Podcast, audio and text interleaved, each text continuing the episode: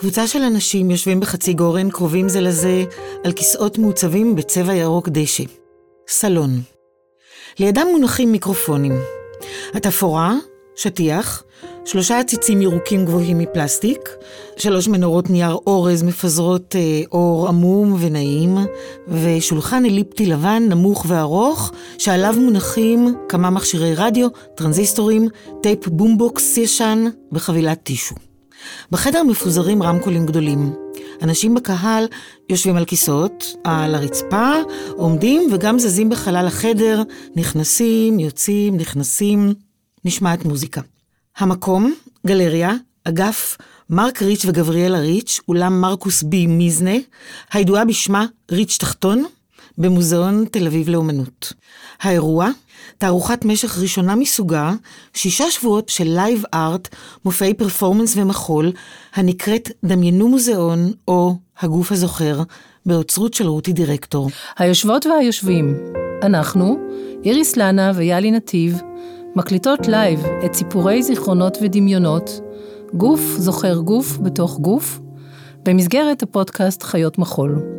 ואיתנו אורחים, בכל פעם קבוצה אחרת, שהזמנו לספר על אירוע מחול משמעותי, שנשאר חקוק בזיכרון הגוף שלהם, ולהפקידו בגוף המוזיאון.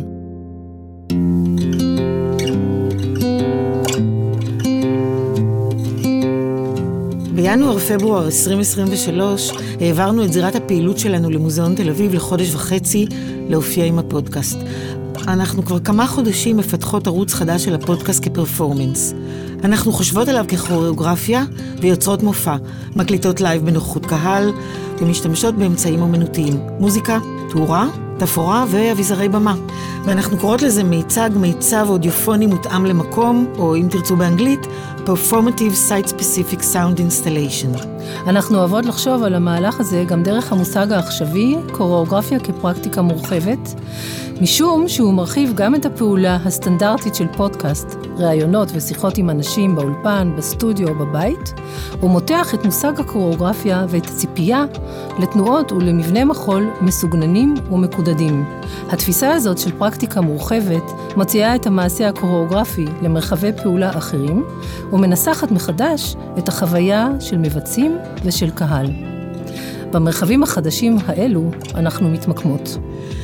בסיפורי זיכרונות ודמיונות במוזיאון אנחנו מאזינות לסיפוריהם של 65 אנשים מעולמות המחול, התנועה והאומנות, שמתארים את הזכור בגופם כצופים, יוצרים או משתתפים.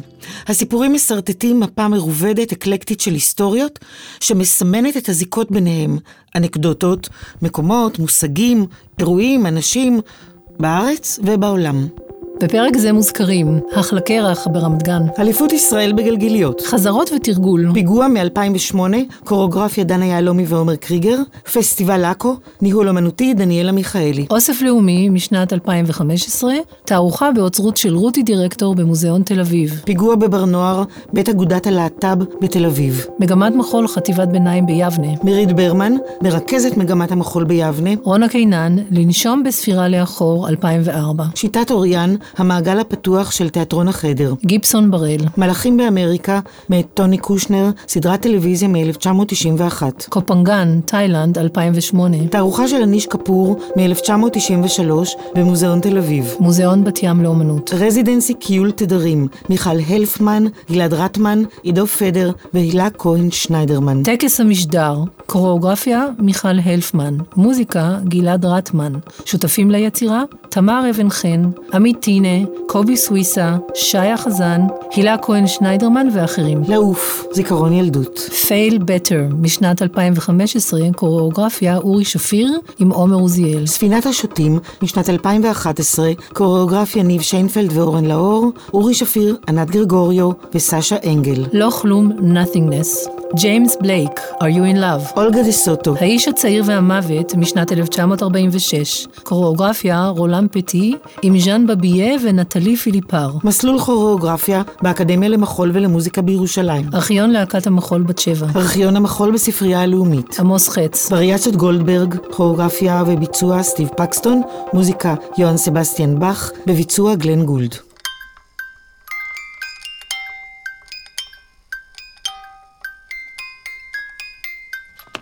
אתם מאזינים לחיות מחול, פודקאסט על המחול העכשווי בישראל.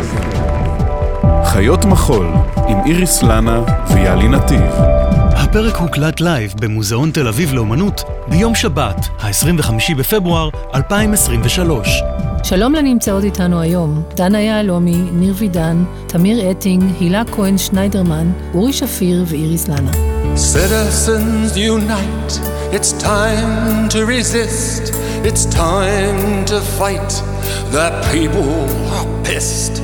Citizens unite, your country is falling, it's time to fight, the resistance is calling. דנה יהלומי, אומנית וכוריאוגרפית, עומדת בראש תנועה ציבורית.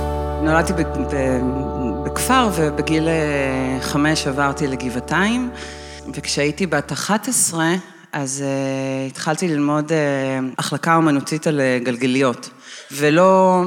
החלקי רך כזה רק פתחו אותו ברמת גן, והיה בגבעתיים שיעורים כזה עם סקטים, כאילו עם ארבע כזה, אבל עשו כאילו זה החלקי רך, אבל זה בעצם היה על גלגליות, כזה 80's וזה. והתחלתי ללמוד והייתי מאוד מאוד מוכשרת בזה, ואחרי שנה החליטו לשלוח אותי בעצם לאליפות ישראל, ועשיתי סולו על, על שיר של אלאדין, והיה לי מין בגד סגול כזה, קצרצר ומתנפנף, ו... והייתי באמת כאילו קטנה וחמודה, ו... והלכנו והיה לי מאמן רוסי, ו... לקראת שאתה צריך להגיע כאילו לדרג הזה של אליפויות ישראל, וכל פעם אתה מקבלים קצת זמן על ה... ממש כמו בתחרויות קרח כאלה, שמקבלים זמן להתחמם, וכאילו לעשות את כל הקפיצות, ואז כולם יורדים ומתחיל הסולו. והייתי מגיעה למאמן שלי בסוף הרבע שעה חימום, והוא היה שואל אותי אם נפלתי בחימום, וכשהייתי אומרת לו לא, אז הוא היה פשוט תופס אותי ומטיח אותי ברצפה, אחת לפני בעצם הסולו, כאילו לפני שאתה עולה.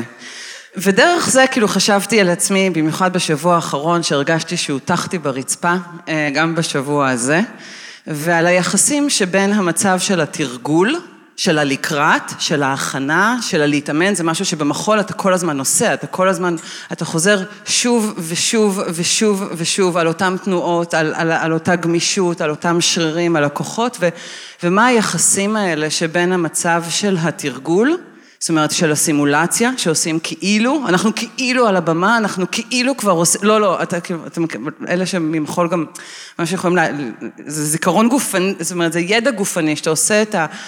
את העבודה הזאת על המוח, שכאילו אתה נמצא בסיטואציה עצמה, ואתה תיתן יותר, אתה תיתן כאילו יש שם את הכל, לבין הרגע שבו יש את הכל, זאת אומרת שהקהל מגיע, ו- וגם פה כאילו מדמיינים מוזיאון, אבל המוזיאון כבר פה, זאת אומרת אנחנו שישה שבועות מדמיינים את המוזיאון שבו אנחנו נמצאים כבר שישה שבועות, כאילו היחסים האלה שבין ההכנה לקראת לבין איפה שאתה נמצא כבר עכשיו, מתחילים להיות מאוד מאוד סבוכים ולא כרונולוגיים, כאילו אתה מדמיין איזה עתיד, אבל בגלל שאתה מדמיין אותו אז העתיד כבר הוא עבר, ואז הוא נגמר, אז כאילו, אוקיי. ואז... כן, אז התעסקתי ברגע הזה של ליפול על הפנים, ובמחשבה וסביב עניינים של ביטול, שאתה מתכונן לקראת משהו, ואז הדבר כאילו נחרב מול עיניך. ואז נזכרתי ב-2008, ולמזלי, דניאלה פה, שלא ידעתי שאת תהיי פה, אבל הנה, פסטיבל עכו 2008. הוזמנו למין, לעשות הפקה חדשה, קראנו לה פיגוע, והיא התעסקה בכוריאוגרפיות לשעת אסון רב נפגעים, ובמשך פשוט חודשים התאמנו עם מכבי אש ועם פיקוד העורף, עבודה שאחר כך עלתה במוזיאון תל אביב, שירותי דירקטור עצרה, אוסף לאומי, היה שם חילוץ מתוך הריסות, זה דברים שלמדנו ב-2008 בעכו, עבדנו עם מד"א ועם מכבי אש ופרחי מד"א, כאילו הקטנטנים, עם זק"א חיפה, איך מכניסים גופה לתוך שקית, איך מוציאים גופה משקית, איך מנקים, כי צריך לאסוף את החלקים, ממש כזה, עבדנו מאוד מאוד פרקטי, אוקיי? ואז היה יום כיפור, שממש לפני סוכות כשנפתח הפסטיבל, ונהג מונית ערבי נסע בשכונה יהודית בעכו, והתחילו פרעות נוראיות, והפסטיבל התבטל, כי היה פיגוע. זאת אומרת, הפיגוע קרה. עכשיו, הוא לא קרה, זאת אומרת, לא היינו מעורבים בזה, אבל כל מה שעבדנו עליו אף פעם לא יצא לפועל, והפסטיבל בוטל, ומצד שני, ידענו כל כך הרבה, אבל לא יכולנו לפגוש עם זה קהל. סיטואציה מאוד כזה, שוב, כאילו אותם מעגלים האלה, שאתה מתכונן לכל תוך דבר, שמכין את עצמו באופן קוסמית ולוקח ממך, אבל מקיים את הממשי. אני לא יודעת אם אתם עוקבים אחריי, אבל זה השלב שכאילו אני נכנסת ללופים בשבוע האחרון. ואז הפסטיבל לא קרה, הפיגוע לא, לא עלה אה, אף פעם, ובערך עשרה חודשים אחר כך, אה, עומר ואני היינו זוג, ואז אה, נפרדנו, הקמנו ביחד תנועה ציבורית, וזה היה שלב כזה שיצאתי לדייטים, ואז יצאתי לדייט עם המתרגל יוגה שלי, לא ממליצה, כאילו, אז זה היה דייט ראשון והלכנו לפרונטו, והזמנו כזה קרפצ'ו וכוס יין אדום, וזה היה כאילו רומנטי, ואמרתי לעצמי, וואי, דייט ראשון בפרונטו, כאילו שווה, ולבשתי חצאית צהובה ומין נעליים לבנות וחולצה לבנה, והאוכל רק הגיע, כאילו מנה ראשונה, ופתאום היה צעקות בחוץ, ויצאנו כזה, חלק נשארו בפנים, ואני ואותו מתרגל יוגה יצאנו החוצה, ורץ לעברנו אה, בחור עם אה, חור ברגל, ואז כזה שלושה חובשים לשעבר מקפה נוער מיד תפסו אותו וגררו אותו לחדר המדרגות שליד, ואני שומעת אותו אומר, יש לו אקדח, יש לו אקדח, יש פה אקדח, ואני כאילו אומרת לעצמי, איפה יש אקדח? ואני מסתכלת מסביב וזה. עכשיו, כאילו היה דממה ברחוב, זה היה משהו נורא נורא מוזר, וגם לא היה צעקות בשום מקום, אבל אני לא יודעת למה, אבל רצתי לאיזשהו בית, שמעתי מלמולים, ירדתי למטה, ולא היה שם, כאילו, לא היה שם אקדח, אבל זה בעצם היה בר נוער. ולא היה שם אף אחד, לא היה שם משטרה, זאת אומרת, ליז עדיין חיה, אמ, כולם התחבאו מתחת לשולחנות, ולא, כאילו, לא היה אמבולנס או משהו כזה, זאת אומרת, לא... עכשיו, היה לי מין ביטחון ממש מופרע, כאילו, מה אני בכלל נכנסת? כאילו, מה אני יודעת לעשות? עכשיו, הכל מתחיל בפסטיבל עכו. כאילו, אנחנו מדמיינים שיש פה אירוע רב נפגעים, וצריך להגיע, ולמי עוזרים, ואיך מעבירים לאלונקה, ואיך שמים על קרש גב, ואיך מרימים את הקרש גב, והביטויים, הרצועות, כאילו, כל הדברים האלה, אני מגיעה, כאילו, אין שם אף אחד, ויש שם רק את האנשים מתחת לשולחנות. ובאיזשהו שלב התבייתתי על שולחן אחד, ועזרתי לשניים לצאת, ו... והתקשרתי לאמבולנס, ואני אומרת לאמבולנס, אה, יש פה אירוע רב נפגעים ואין פה אף אחד, ואז הוא אמר, ברור שאין פה אף אחד כי המשטרה לא שם, אז האמבולנס לא יכול להיכנס כי לא עשו סריקה, אני אומרת לו, אבל אני פה וכאילו אין פה, זאת אומרת, הוא לא פה. זהו, ואז הם באיזשהו שלב נכנסו, אה, במשך אה, משהו כמו 50 דקות, טיפלנו בכל האנשים וחילצנו אותם וחבשנו אותם ודיברנו עם ההורים ועם החבר והעברנו לאמב... כאילו מהאמבולנס שיצא לבית חולים. זהו, ויצאתי משם, וכאילו כל הסימולקרה שהייתה לפני כן, פתאום קרתה, בדיוק במקום שלא חשבתי שהיא תקרה, עם, בדיוק כאילו בנוכחות האנשים שהם לא תנועה ציבורית, אבל פתאום החריגה הזו לתוך הממשי וההיפוך שלה שינתה משהו באמונה שלי, בתוך פרקטיקה גופנית, ומה זה לדעת להיות אזרח, מה זה לדעת לזוז כמו אזרח, מה זה לדעת לשהות במרחב הציבורי ביחד, מה זה לדעת לטפל, מה זה לדעת להפגין, מה זה לדעת לתת עזרה, מה זה לדעת להרים, לשאת, ושכל הדברים האלה שאנחנו עושים כל הזמן, הם גם אם הם תרגול אינסופי, הם מתקיימים כבר, וגם כשהם יקרו, הם יקרו במקום שאנחנו לא נדע, כאילו, שאנחנו מקיימים אותם, את הידעים האלה. בום.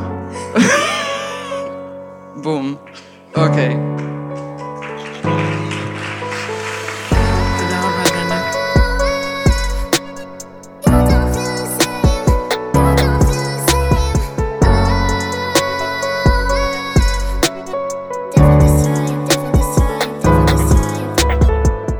ניר וידן, קוריאוגרף, פרפורמר ודרמטורג. מעניין, אני חושב שמשהו בזיכרון שלי מאוד קשור לפער שדנה דיברה עליו, או היחסים שדנה דיברה עליהם.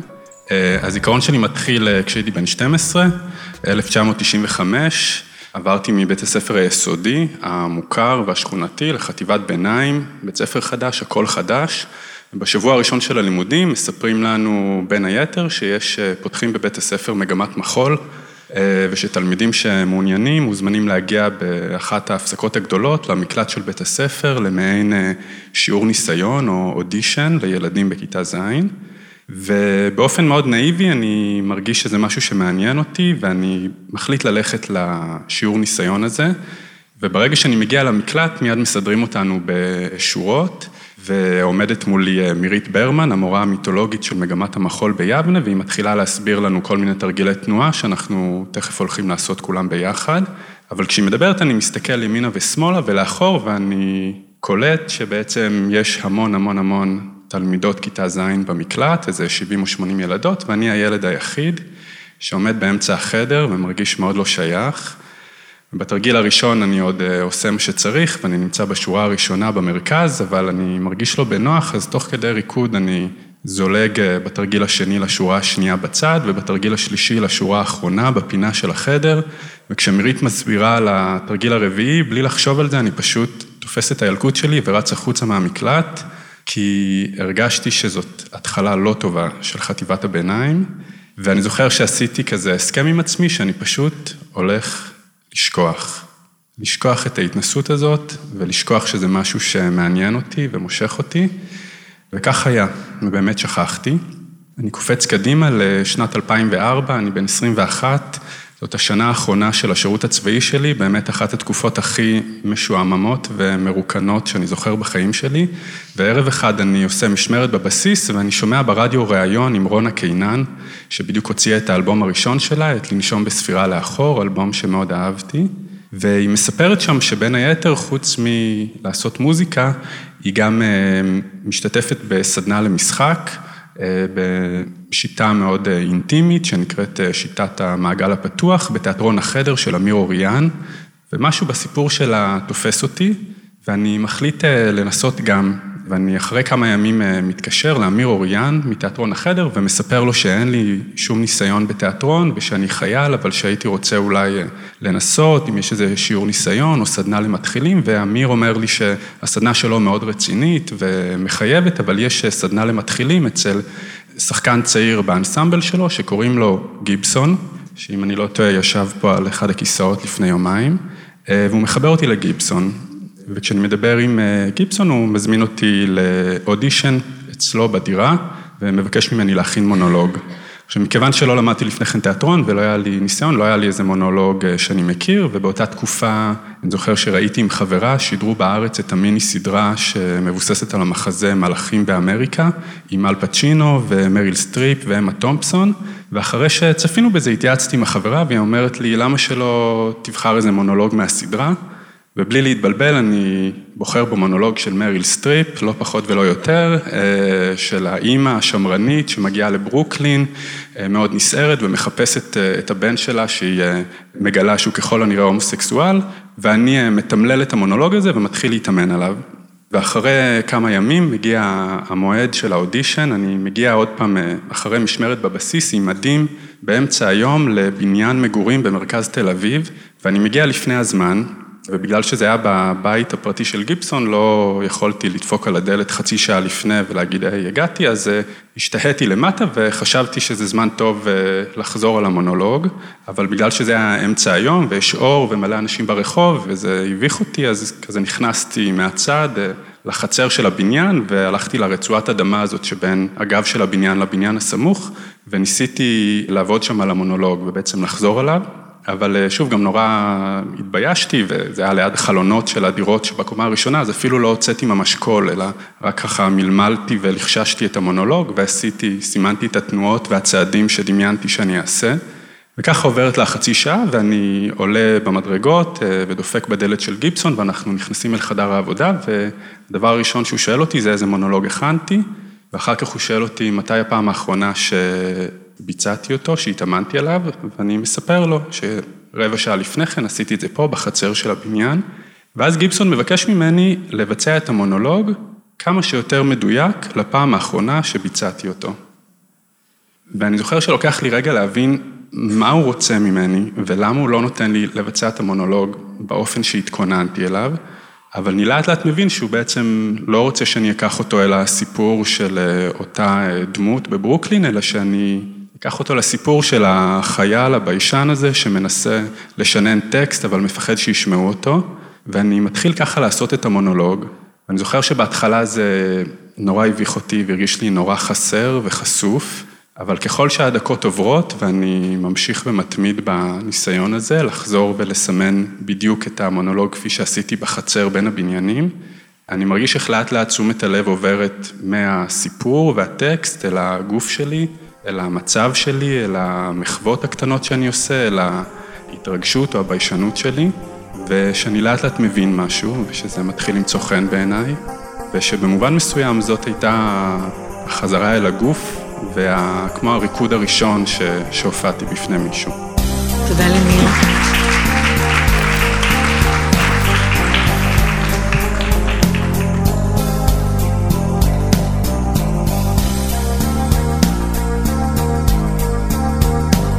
תמי רטינג, עוזר ניהול אומנותי, מרכז סוזן דלל. אז הסיפור שלי קורה בתאילנד, בקופנגן, ב-2008. בגיל 18 הייתי אמור להתגייס לצבא, היה לי תאריך לצו גיוס. גדלתי ביישוב קהילתי עם אוריינטציה מאוד אה, צבאית, מכבים רעות, מי שמכיר. כל חבריי אה, סיירות מטכ"ל, שייטת, טייסים, אנשי מודיעין וכו'. ולפני שמתגייסים, החלטנו שניסע לתאילנד לחודש, לטיול.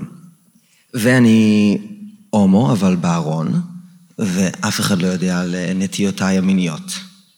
אז אנחנו מגיעים לקופנגן, שזה אי למטה, ואני לראשונה בחיי חווה איזה משהו כזה של חופש, שאני מרגיש נורא משוחרר במקום הזה. ואנחנו מבלים שם שבועיים, במסיבות וריקודים כל הלילה, יש שם כזה קטע שרוקדים לא זזים במקום וצריך לייצר בור כמה שיותר גדול בחול. וככה נראה כל ערב. וביום האחרון שלנו, אחרי 12 ימים בקופנגן, אנחנו באים לעזוב את האי לצד השני של האי, מי שמכיר את איילנד, בצד השני זה קופיפי, וצריך או טיסה או מעבורת, וזה מעבר יחסית אה, רחוק. טוב, אני נורא נורא עצוב לעזוב את, אה, את המקום הזה, שהסב לי הרבה מאוד אושר. ואחד העובדים במלון, שהוא היה תאילנדי, לא מדבר מילה באנגלית, שבמהלך השבועיים האחרונים היה בינינו כמה חילופי מבטים, ניגש אלינו, לכל החבורה, שהיינו שמונה כאלה גברברים, חוץ ממני, אני תמיד הייתי כזה צ'יפס קטן, והוא לוקח את התיק גב שלי, את. כזה תיק מטיילים, ונותן לי חיבוק פרידה. ובאותו רגע שהוא נותן לי את החיבוק, אני הרגשתי משהו בכל גופי ותודעתי שלא הרגשתי בחיים. לא הבנתי מה זה החיבוק הזה, אבל אמרתי, טוב, אין מצב, אין מצב שאני לא אפגוש את הבן אדם הזה יותר בחיים. אין מצב שזה פרידה. התחלתי ללכת. התחלתי ללכת, ללכת, ללכת, אמרתי, רק אל תסתובב אחורה, אל תראה מי מאחוריך, אל תראה מי קלט, מה שנקרא קלט לא קלט, אין לי מושג. טוב, אני מתחיל ללכת ואני הולך ואני הולך ואני הולך, מתרחק מכל האזור של הברים, מועדונים, מסיבות. מי שהיה בקופנגן חצי זה הכל, אה, חצי חוף כל מסיבות, חצי חוף אה, רחצה. טוב, אני הולך, ואז אני מסתובב אחורה, ואני רואה שהתאילנדי הלך, והוא מגיע, והוא הולך אחריי, פרפרים. אני מתיישב על החוף, ואני מחכה לו שהוא יגיע, והוא בא, והוא מתיישב לידי. טוב, עכשיו אין לנו איך לדבר, ואין לנו מה לעשות, אז uh, מה שעושים זה, תסלחו לי על השם, זה קצת שם גס, אבל זה, ככה זה נקרא. שיחקנו מה שנקרא סיגריה זונה. מישהו מכיר את המשחק? מעשנים סיגריה אחת ומעבירים מפה לפה את העשן. זה המשחק.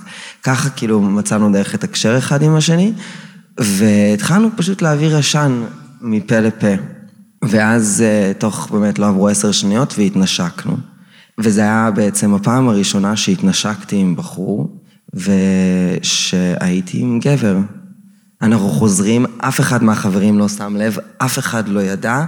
אני הייתי בעננים, יום למחרת עזבנו לקופיפי, רציתי לחזור לקופנגן, הייתי בכאלה מחשבות שלא ידעתי מה לעשות ואיך להתמודד עם זה.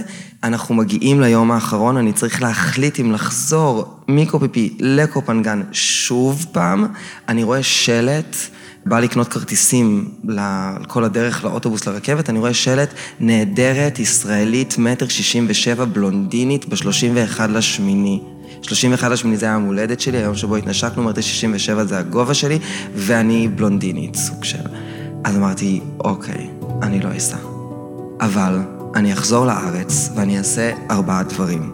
אני אתחיל לרקוד, אני אצא מהארון, אני לא אתגייס ואני אעשה קעקוע.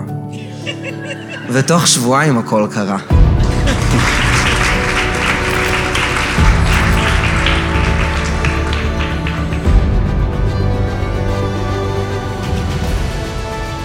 הילה כהן שניידרמן, עוצרת ראשית מובי, מוזיאוני בת ים. אז האמת שהסיפור שלי מתחיל פה במוזיאון תל אביב, ב-1993, בתערוכה של אניש כפור. אה, זו אולי הפעם הראשונה שאני זוכרת שראיתי אומנות, שראיתי, באומנות אפשר לומר, והיא ראתה אותי. אה, הייתי פה עם אימא שלי בתערוכה, ושזו קערה כחולה וגדולה, ואני מתקרבת אליה, ואני נעמדת מולה, והרגשתי כאילו נשאבתי לאיזה יקום מקביל, זה היה כאילו נעצר הזמן והמקום, וזה היה כל כך עוצמתי שזה פשוט הבהיל אותי, אז לקחתי צעד אחורה, הייתי בת 12 אם לא אמרתי, 13 סליחה, ואני מסתכלת ככה איך, איך הקסם הזה קורה, אני מתחילה להסתובב סביב הפסל, הוא היה תלוי על הקיר, אז אני מסתכלת ימינה, מסתכלת שמאלה, מדובר בקערה, זאת אומרת, לא... לא, לא, לא הבנתי, אז נעמדתי שוב, ואותו אפקט עוצמתי קרה. והבנתי באותו רגע שככה מרגיש החלל החיצון. וזה היה לי ברור, זאת אומרת, לא הייתי צריכה לשאול את אימא או משהו כזה, אלא זה היה פשוט embodiment מוחלט של הידיעה הזאת. ונדמה לי שגם ברגע הזה הבנתי את הכוח של אומנות.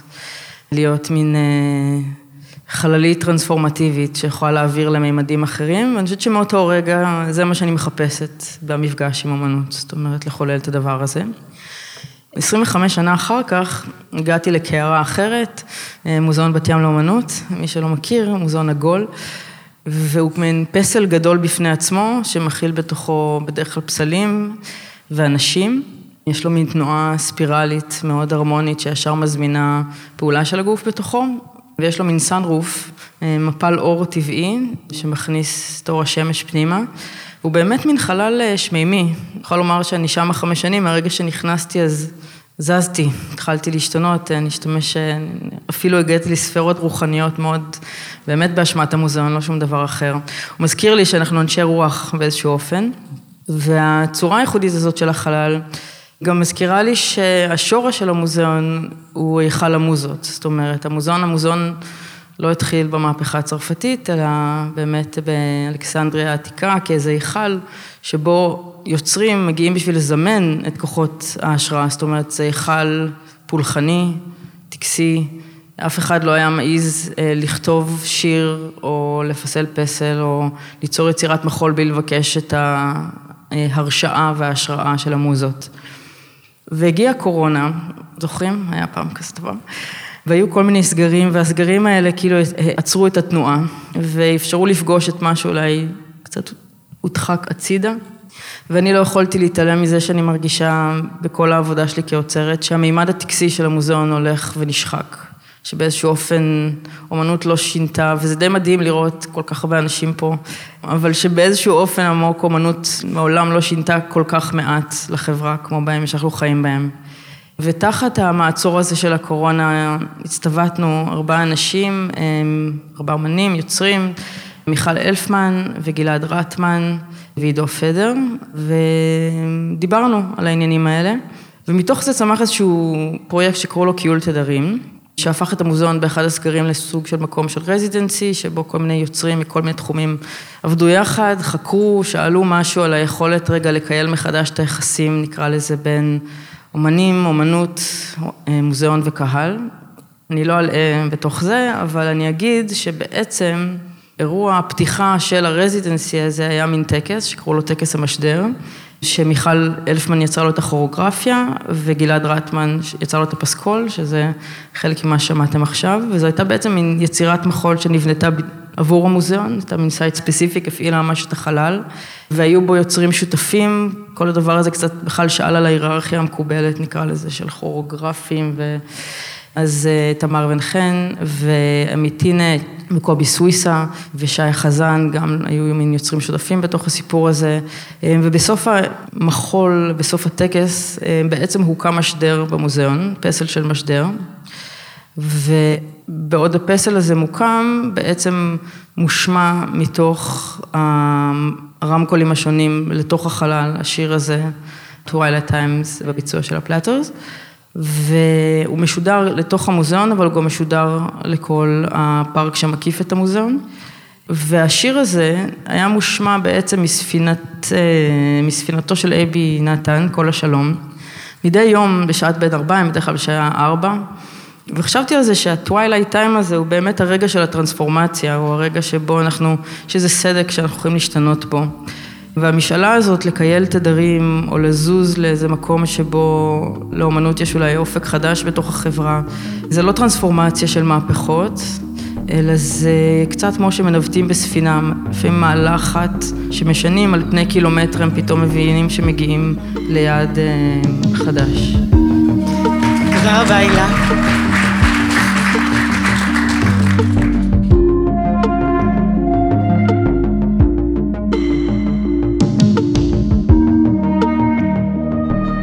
אורי שפיר, רקדן וכוריאוגרף. אני אספר שני סיפורים. הסיפור הראשון הוא כשאני בן שבע, אה, איפשהו ב-1990. אני נמצא בסלון הגדול, אז הוא היה נראה לי נורא גדול, בתור ילד קטן בן שבע, בדירה שלי ברעננה. זה שעת אחר הצהריים, אימא שלי, אני שומע אותה מעבר לקיר, דרך המטבח, שוטפת כלים. וזה מין רגע קסום כזה של אחר הצהריים שבו אין מה לעשות, נראה לי שסיימתי את השיעורים שלי, הסלון כזה שטוף שמש, ויש, אה, לא, לא יודע אם אתם זוכרים, בשנות התשעים היה מין אופנה כזאת של כריות גדולות על הרצפה. ממש היה קטע כזה, לפרוס כריות על הרצפה, כריות נוי כאלה, נוחות. ואני כזה סידרתי לעצמי איזה שתי כריות כאלה בטור, והייתי פשוט אוהב כזה להעיף את עצמי ולקרוס עליהן, פשוט כאילו לעוף כזה כמו מין איזה רקע, כמו מין איזה פיטר פן כזה, ולקרוס על הכריות, זה היה נורא נורא נעים, והייתי גם ילד קטנטן כזה, אז זה ממש, וזה פשוט הכריות היו הדבר הכי רך ונעים אה, לקרוס לתוכו. ואני קופץ וקופץ, ובאחת הקפיצות אני קופץ, ובעצם הקפיצה באיזשהו אורך פלאי נעצרת למין רגע של slow motion, ואני פשוט נוחת בצורה מאוד מאוד איטית אל תוך הכריות, ונוחת אליהן ככה, כאילו במין רגע, זה אפילו לא קסום או פלאי, זה איזשהו רגע אה, פנים גופי וחוץ גופי בו זמנית. וזה היה כל כך איטי ומתמשך, שאני זוכר אפילו תוך כדי את המחשבות שלי בזמן הקפיצה הזו, שיכול להיות שזה בגלל שאני כל כך רזה, שאני יותר קל מהאוויר, יכול להיות שכאילו עד כדי כך אפשר פשוט לעוף. וכמובן נורא רציתי לעוף כל הילדות שלי, כאילו מי לא. ונחתתי על הכריות, והתיישבתי לרגע, ואני זוכר שהמחשבה שלי הייתה, אוקיי, אני יודע שזו הייתה כרגע מתנה מאלוהים, שנתן לי לרגע לעוף, זה לא יקרה עוד פעם, אני יודע את זה, שזה לא יקרה עוד פעם, וזה בסדר. זו המתנה שקיבלתי עכשיו. ואני מספר לכם את זה, באופן שבו אני מספר לכם את זה, שזה קרה לא כאיזה טקטיקה פרפורמטיבית, אלא כי אני זוכר את זה שזה קרה כמו שאני זוכר את ליל אמש, או כמו שאני זוכר את הבחירות האחרונות, או כאילו, אני זוכר את זה מאוד מאוד מאוד ברור. זה לא איזשהו, זה, כאילו עד גיל מאוחר מאוד, לא שאלתי את עצמי בכלל האם זה היה חלום או זיכרון, כי אני זוכר את זה. לפני עשר שנים אה, יצרתי עבודה שנקראת Fail Better, ציטוט של בקט, אה, ביחד עם אה, עומר עוזיאל, שאני לא יודע אם הוא כאן, הוא ממש הופיע לפני רגעים ספורים בעבודה של מיכל סממה. ואת הרגע הזה של הקפיצה והקריסה אל תוך הכריות, פשוט הבאתי אל הבמה כניסיון להיכשל בו שוב ושוב ושוב. אה, וזאת הייתה בכלל איזושהי עבודה שמנסה להיפרד רגע מהאפשרות של הילדות אל תוך איזה מימד חדש של בגרות והפרידה שאנחנו נאלצים לעשות בשביל המעבר הזה. הזיכרון השני הוא מתוך רגע ביצועי שלי בתוך עבודה של ניב שיינפלד ואורן לאור, ספינת השוטים, שהופיע ממש כאן לפני כמה ימים בחלל הזה, ואפילו הכיסא שאני יושב בו מאוד קרוב גיאוגרפית למקום שבו ישבתי על הכיסא, שבו קורה הזיכרון שאני עומד לספר. זה רגע מסוף העבודה. העבודה הזו היא עבודה שהיא ממש כמו מין רכבת הרים רגשית ופרפורמטיבית מבחינת הארק, הקשת או המסע שכל דמות שאנחנו מגלמים דמות ספק אני, ספק אה, שאנחנו עוברים בתוך העבודה, והרגע הזה הוא ממש הרגע האחרון שהוא קורה מיד לאחר רגע מאוד מאוד מאוד טעון רגשית. בו הוא נוגע במוות והוא נוגע באיזושהי פעולה נורא אלימה שאני עומד לראות על הקהל עם הגיטרה שהיא כמו דמוית רובה, וסשה מפעיל עליי איזושהי מניפולציה מאוד מאוד אה, פיזית ולא נעימה, ואנחנו שלושתנו, אני, ענת גרגורי וסשה אנגל, מתיישבים על הכיסאות בקדמת הבמה ומביטים אל הקהל. ברגע מאוד מאוד ארוך של להישיר מבט אל הקהל ולא לעשות כלום. והרגע הזה בדרך כלל הוא מאוד מאוד טעון. אני מתיישב על הכיסא ומישיר את המבט שלי אל הקהל, ואני רוטט מרוב איזשהו אה, מרוב עוצמת הרגשות שעוברים בי ברגש ובגוף, ותמיד קורה לי הרגע הזה שאני, כבר הפה שלי מתחיל לרעוד, ואולי העיניים שלי מתחילות לעלות מאוד, וקשה לי להסתכל אפילו על הקהל, ואני מנסה, אבל זה מאוד מאוד קשה, ויש שם איזה רגע של nothingness, אבל הוא אף פעם לא באמת nothingness, כי הוא באמת נורא נורא מלא בסיפור הזה שעכשיו ראינו. ובאחת ההופעות הצעתי לעצמי, רגע, להתמסר לנותינגנס הזה. זאת אומרת, להשהות את הרגע המאוד טעון הזה עם הכמעט בכי, או עם הרטט המאוד מאוד אדיר הזה שקורה לי בגוף, אלא באמת להסתכל על הקהל כמו שהכוריאוגרפיה מבקשת ממני, ולא לצפות לשום דבר, או לא למסור שום דבר, או לא להתמלא בשום דבר. להיות בשום דבר הזה. והרגשתי שאני מסתכל על הקהל שמחזיר עליי מבט מתוך המרחק הזה של הבמה והקהל, בלי כלום, בלי שום דבר, והרשיתי לשום דבר הזה למלא את הגוף שלי ולפנות מקום במקום אותו רגש טעון, והרגשתי שמה שקורה לי שם הוא שוב מין איזושהי חוויה גופית חוץ גופית, שמתוך הכלום הזה והחיבור אל הקהל הבלתי אמצעי, פתאום התחלתי להתמלא בצורה מאוד מאוד עוצמתית באיזשהו מין משהו שמרגיש כמו אהבה, אבל זה לא אהבה שהכרתי, זה איזה מין, זה איזה משהו שכאילו אני מרגיש כאילו כל החלל ואני מתמזגים בצורה מאוד מאוד רכה ומלאה. וזה שום, לא הכרתי דבר כזה אף פעם, זה היה מאוד מאוד קיצוני.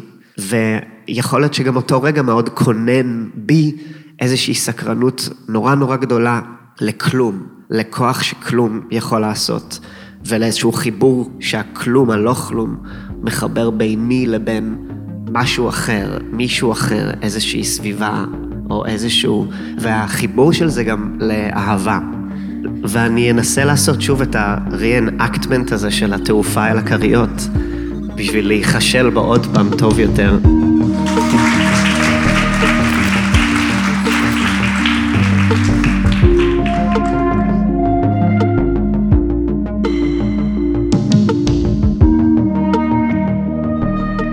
איריס לנה, עורכת הפודקאסט חיות מחול. טוב, אני חייבת לספר את הסיפור, כי יאלי פשוט אומרת שהיא לא מוכנה לשמוע אותו יותר, ושאני צריכה להיפטר מהדיבוק הזה. אז אני הולכת על זה. אז שישה שבועות אני יושבת פה ושומעת 65 סיפורים, אני זוכרת את כולם, ותוהה על העניין הזה של זיכרונות, בעיקר בתוך מחול, ושל גוף, ואני רוצה להתחיל מאולגה דה סוטו. בום. אף אחד בטח לא יודע עליה, אולי חמישה אנשים. אולגה דה סוטו היא כוריאוגרפית אה, ספרדיה, שעובדת בצרפת, ובשנת 2019, כשאני מעבירה קורס על ארכיונים במחול, במסלול כוריאוגרפיה באקדמיה למחול, בדיוק מתפרסם הספר אה, מחול פורק עול של רמזי ברט, ואני קוראת על אולגה דה סוטו, וזה מתחיל, משהו שם מעניין אותי, כי אני אחרי עשר שנים של עיסוק בארכיונים, והיא עוסקת בזיכרונות מסוג אחר. ואני כותבת לה, והיא עונה לי, והיא שולחת את כל הלינקים של כל העבודות שלה ואת כל הטקסטים שהיא כתבה ושכתבו עליה, ואני קוראת הכל בשקיקה, גם עם הצרפתית שלי שהיא חצי כזה, והדבר שהכי מושך את עיניי זה עבודה שלה שנקראת היסטואר, שזה סיפורים, שבו היא בשנת 2004 בעצם מחליטה לשחזר או להתייחס או להתכתב עם עבודה מ-1946 של רולן פטי, שנקראת לז'נאום למורט, האיש הצעיר והמוות. עכשיו העבודה הזאת ב-1946 הייתה עבודה מאוד מאוד ידועה, אבל מי זוכר?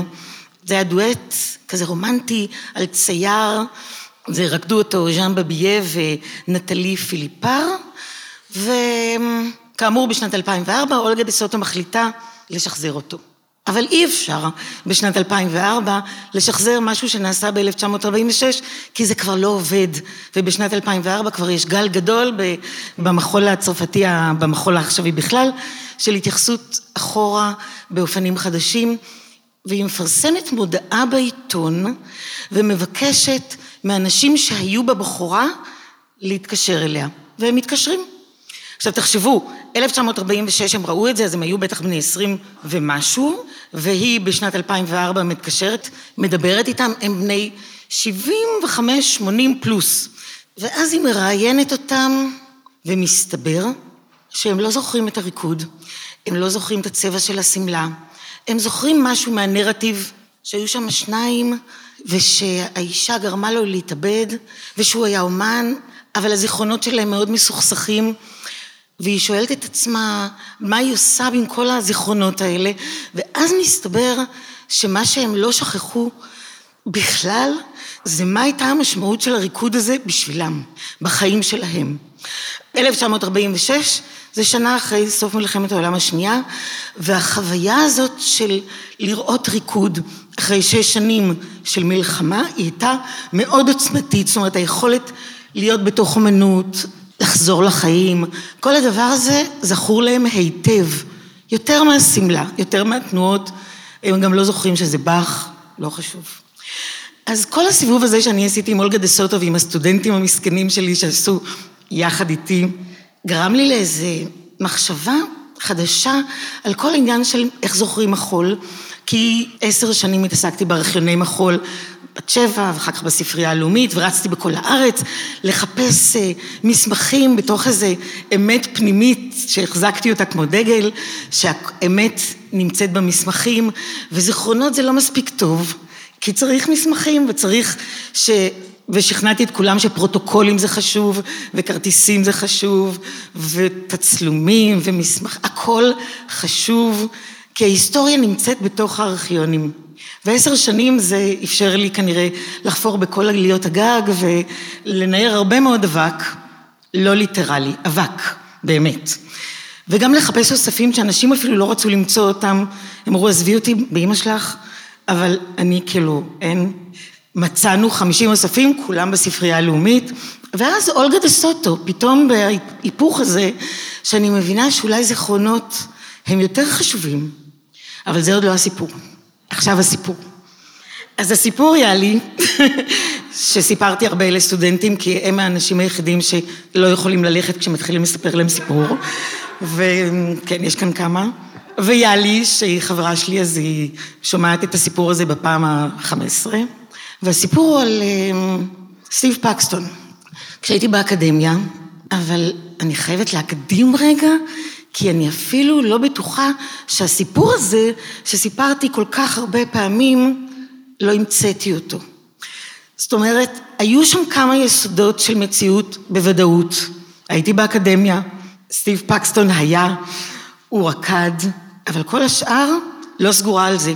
אני יודעת שבמהלך השנים הוספתי, למשל, שהיה נורא חם. ממש לא בטוחה.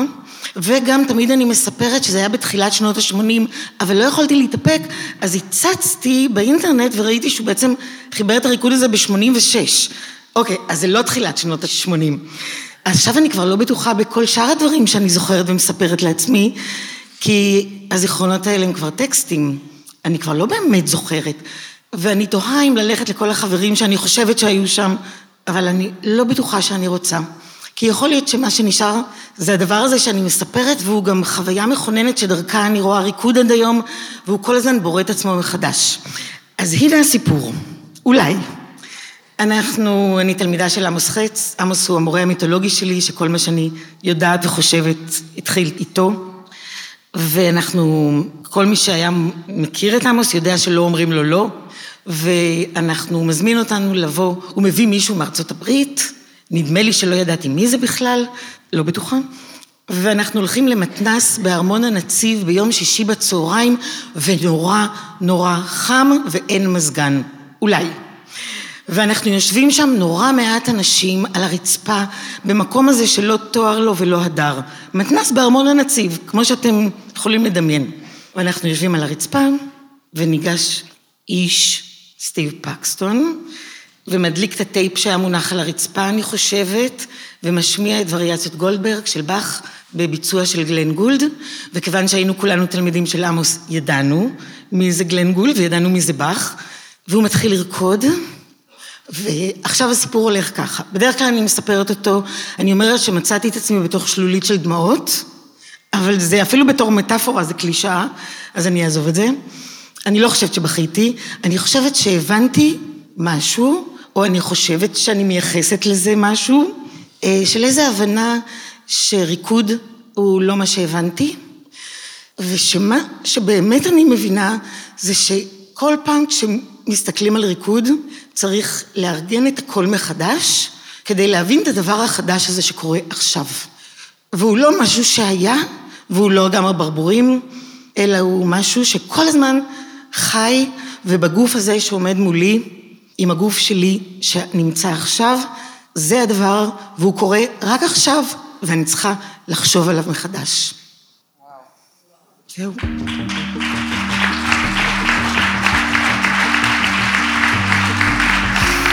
בום. ואני מפקידה את הזיכרון הזה, והיה לי, אני מבטיחה שלעולם לא אספר אותו יותר. אני רוצה להגיד המון תודות. אין ברירה, תישארו פה עד הסוף.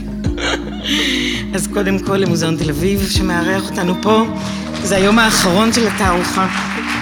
ולרותי דירקטור על הדיאלוג שבמהלכו... מה אני אעשה? במהלכו ניסחנו את. את המודל של זה וגלית לנדאו אפשטיין וקובי אבן חיים המפיק, אודי גליניק, הסאונדמן, עידית סוסליק, קולגה וחברה, איפה את? שעל העזרה האינסופית בהפקה ובצילום, וזוהר זלץ מאולפני אשל הפקות, ולאו ליברמן ותמר אבן חן, איפה אתם? שעושים מאיתנו צחוק שוב ושוב בסרטונים של הרשתות החברתיות.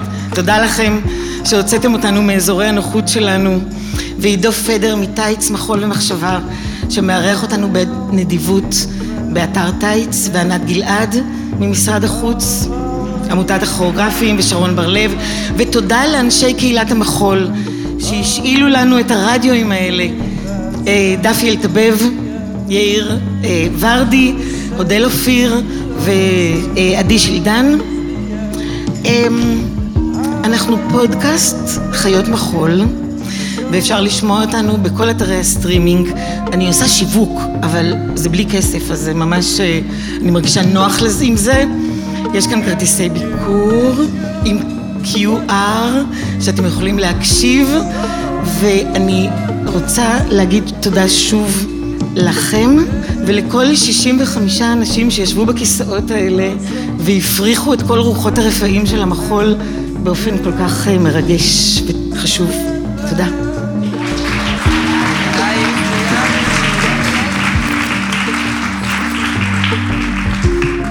זהו פרק נוסף בסדרת סיפורי זיכרונות ודמיונות, גוף זוכר גוף בתוך גוף. ההקלטות נערכו במהלך ינואר ופברואר 2023 במוזיאון תל אביב לאומנות.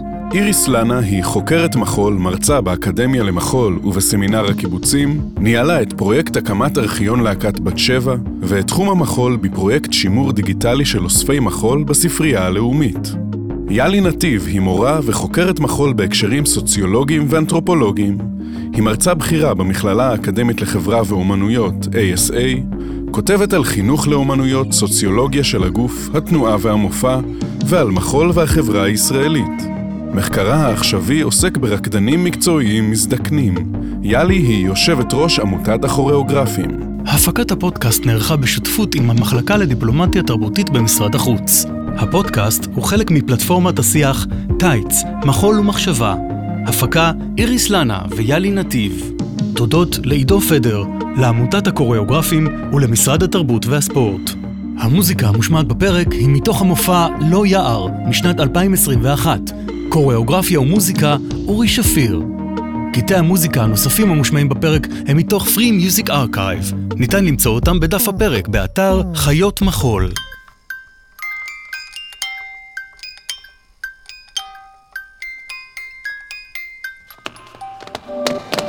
האזנתם לחיות מחול עם איריס לנה ויאלי נתיב.